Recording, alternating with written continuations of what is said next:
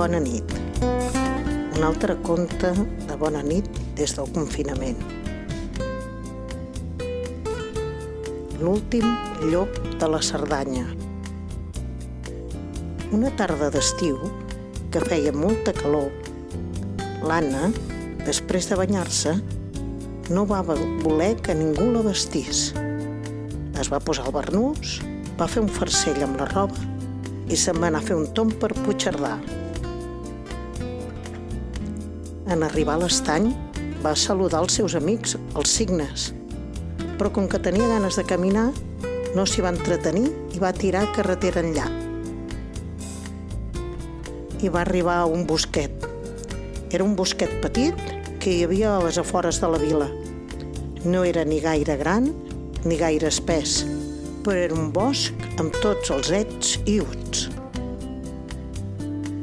I enmig d'aquell bosquet va trobar un llop. L'únic llop que l'Anna havia vist era el dels dibuixos del conte de la caputxeta vermella que tenia a casa. És a dir, que no havia vist mai un llop de veritat. Però l'Anna no es va espantar gaire, ja que aquell llop semblava força el gos de l'estanc del carrer Major.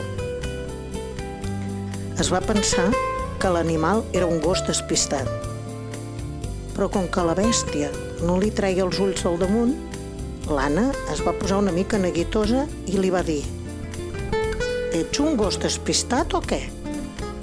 «No, no sóc cap gos jo», va respondre l'animal. «Sóc un llop, un llop dels bons. L'últim llop de la Cerdanya, em sembla». L'Anna no va saber què volia dir ser un llop dels bons. Per això només va fer «Ah, i es va posar a pensar què podria fer aleshores. I pensant, pensant, es va recordar que en els contes els llops acostumen a fer algunes dolenteries. I també es va recordar que els llops solen mossegar la gent. Mossegues molt la gent, tu? li va demanar. I ca, no gaire, va respondre el llop. Si mossegues molt, la gent s'enfada i després et persegueixen amb garrots i escopetes. I per poc que et distreguis, pataplam, xata engarrotada o un mal tret. Jo m'estimo més viure tranquil sense amoïnar. Visc en aquest bosquet, no destorbo ningú i ningú no em destorba a mi. Oi que ho entens? Sí que ho entenc, va contestar l'Anna.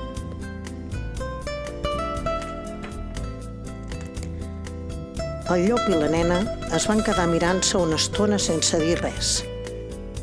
A la fi, el llop va treure la llengua i es va llapar el morro. Que potser tens gana? va demanar l'Anna. No, m'agrada llapar-me el morro, respondre el llop. Com és que portes aquest vestit tan estrany? No és un vestit, és un barnús, i com és que vas amb barnús pel carrer? És que quan he sortit de casa acabava de banyar-me i em feia mandra que em vestissin. I com que sóc tan petita que encara no em sé vestir sola, duc la roba en aquest farcell. El llop va tornar a llapar-se el morro. De fet, feia això sempre que pensava una mica. I va dir, passa'm la roba, t'ajudaré jo. I així l'Anna es va poder vestir. En acabat, va dir, encara m'hauries d'ajudar en una altra cosa. Aquestes criatures, va exclamar-se el llop, no paren mai de demanar. Què és el que vols ara? Doncs voldria que m'ensenyessis el camí de tornar de casa meva, que m'he perdut i no sé on sóc. On vius? Al carrer Major. Aquí ho posa tot. L'Anna li va ensenyar una medalla que duia penjada al coll, on hi havia gravats el seu nom, l'adreça de casa seva i el telèfon. Apa, que has tingut sort que sé llegir, va dir el llop. La majoria de llops no en saben de llegir. Jo sí, perquè vaig estar una temporadeta al zoo de Barcelona i tenia la gàbia a la vora d'un lloro que sabia molt de lletra i me'n va ensenyar. si t'arribes a trobar un, amb un llop que no sabés de lletra, ja m'explicaràs com t'ho hauries fet ara. Si m'hagués trobat un altre llop, potser m'hauria hagut de fer un tip de córrer, si era dels que surten en els contes i mosseguen la gent. Però això no podia passar de cap manera, perquè si tu dius que ets l'últim llop de la comarca, no hi deu haver cap altre llop més que tu. Això sí que és veritat, va reconèixer el llop. I després d'aquesta conversa, el llop va acompanyar la nena un tros fins al camí que duia l'estany. No va acompanyar-la més perquè era perillós per a ell acostar-se massa als carrers de les viles i els pobles. Quan passis per l'estany, dona records als signes, va dir a tall de comiat el llop. Les nits d'hivern, quan, quan fa tant de fred que la gent no vol sortir de casa, baixo a visitar-los i ens hem fet amics. El saludaré de part teva, va dir l'Anna, i alçant-se de puntetes li va fer un petó a la punta del morro. El llop va quedar d'allò més emocionat i va estar molta estona fent-li adeu amb la pota, fins que la nena va desaparèixer de la seva vista. Quan l'Anna va arribar a casa seva, tothom estava amoïnadíssim. Havien avisat fins i tot a la Guàrdia Municipal. On eres? va demanar molt seriós el seu pare. Coneixent gent nova, va respondre la nena. I qui has conegut? Un llop molt simpàtic que, a més de no mossegar, sap llegir, va respondre aleshores ella. No m'ho puc creure, va dir tot enriolat el pare.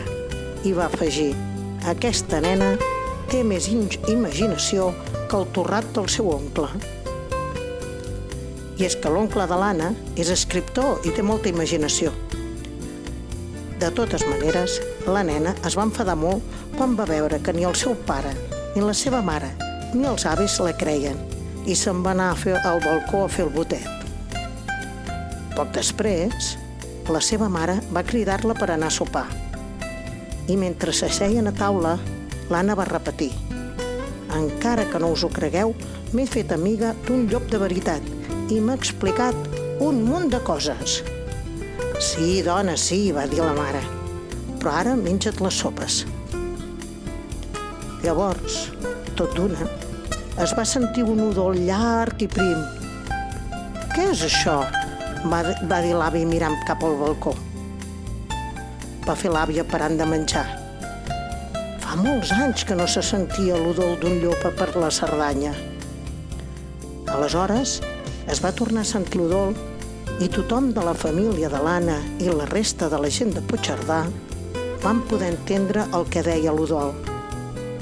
Bona nit, Anna! Bona nit, Cerdanya! Ha dit bona nit, Anna! Bona nit, Cerdanya! va fer l'Anna picant el plat amb la cullera i escaguitxant de sopes tothom.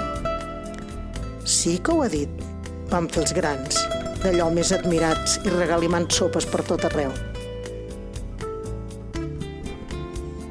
I llavors sí que es van haver de creure que s'havia fet amiga d'un llop. I durant aquell estiu, cada vespre, en fer-se fosc, es va sentir pels aires de la vila de Puigcerdà l'udol de bona nit que l'últim llop de la Cerdanya adreçava a l'Anna. Bona nit!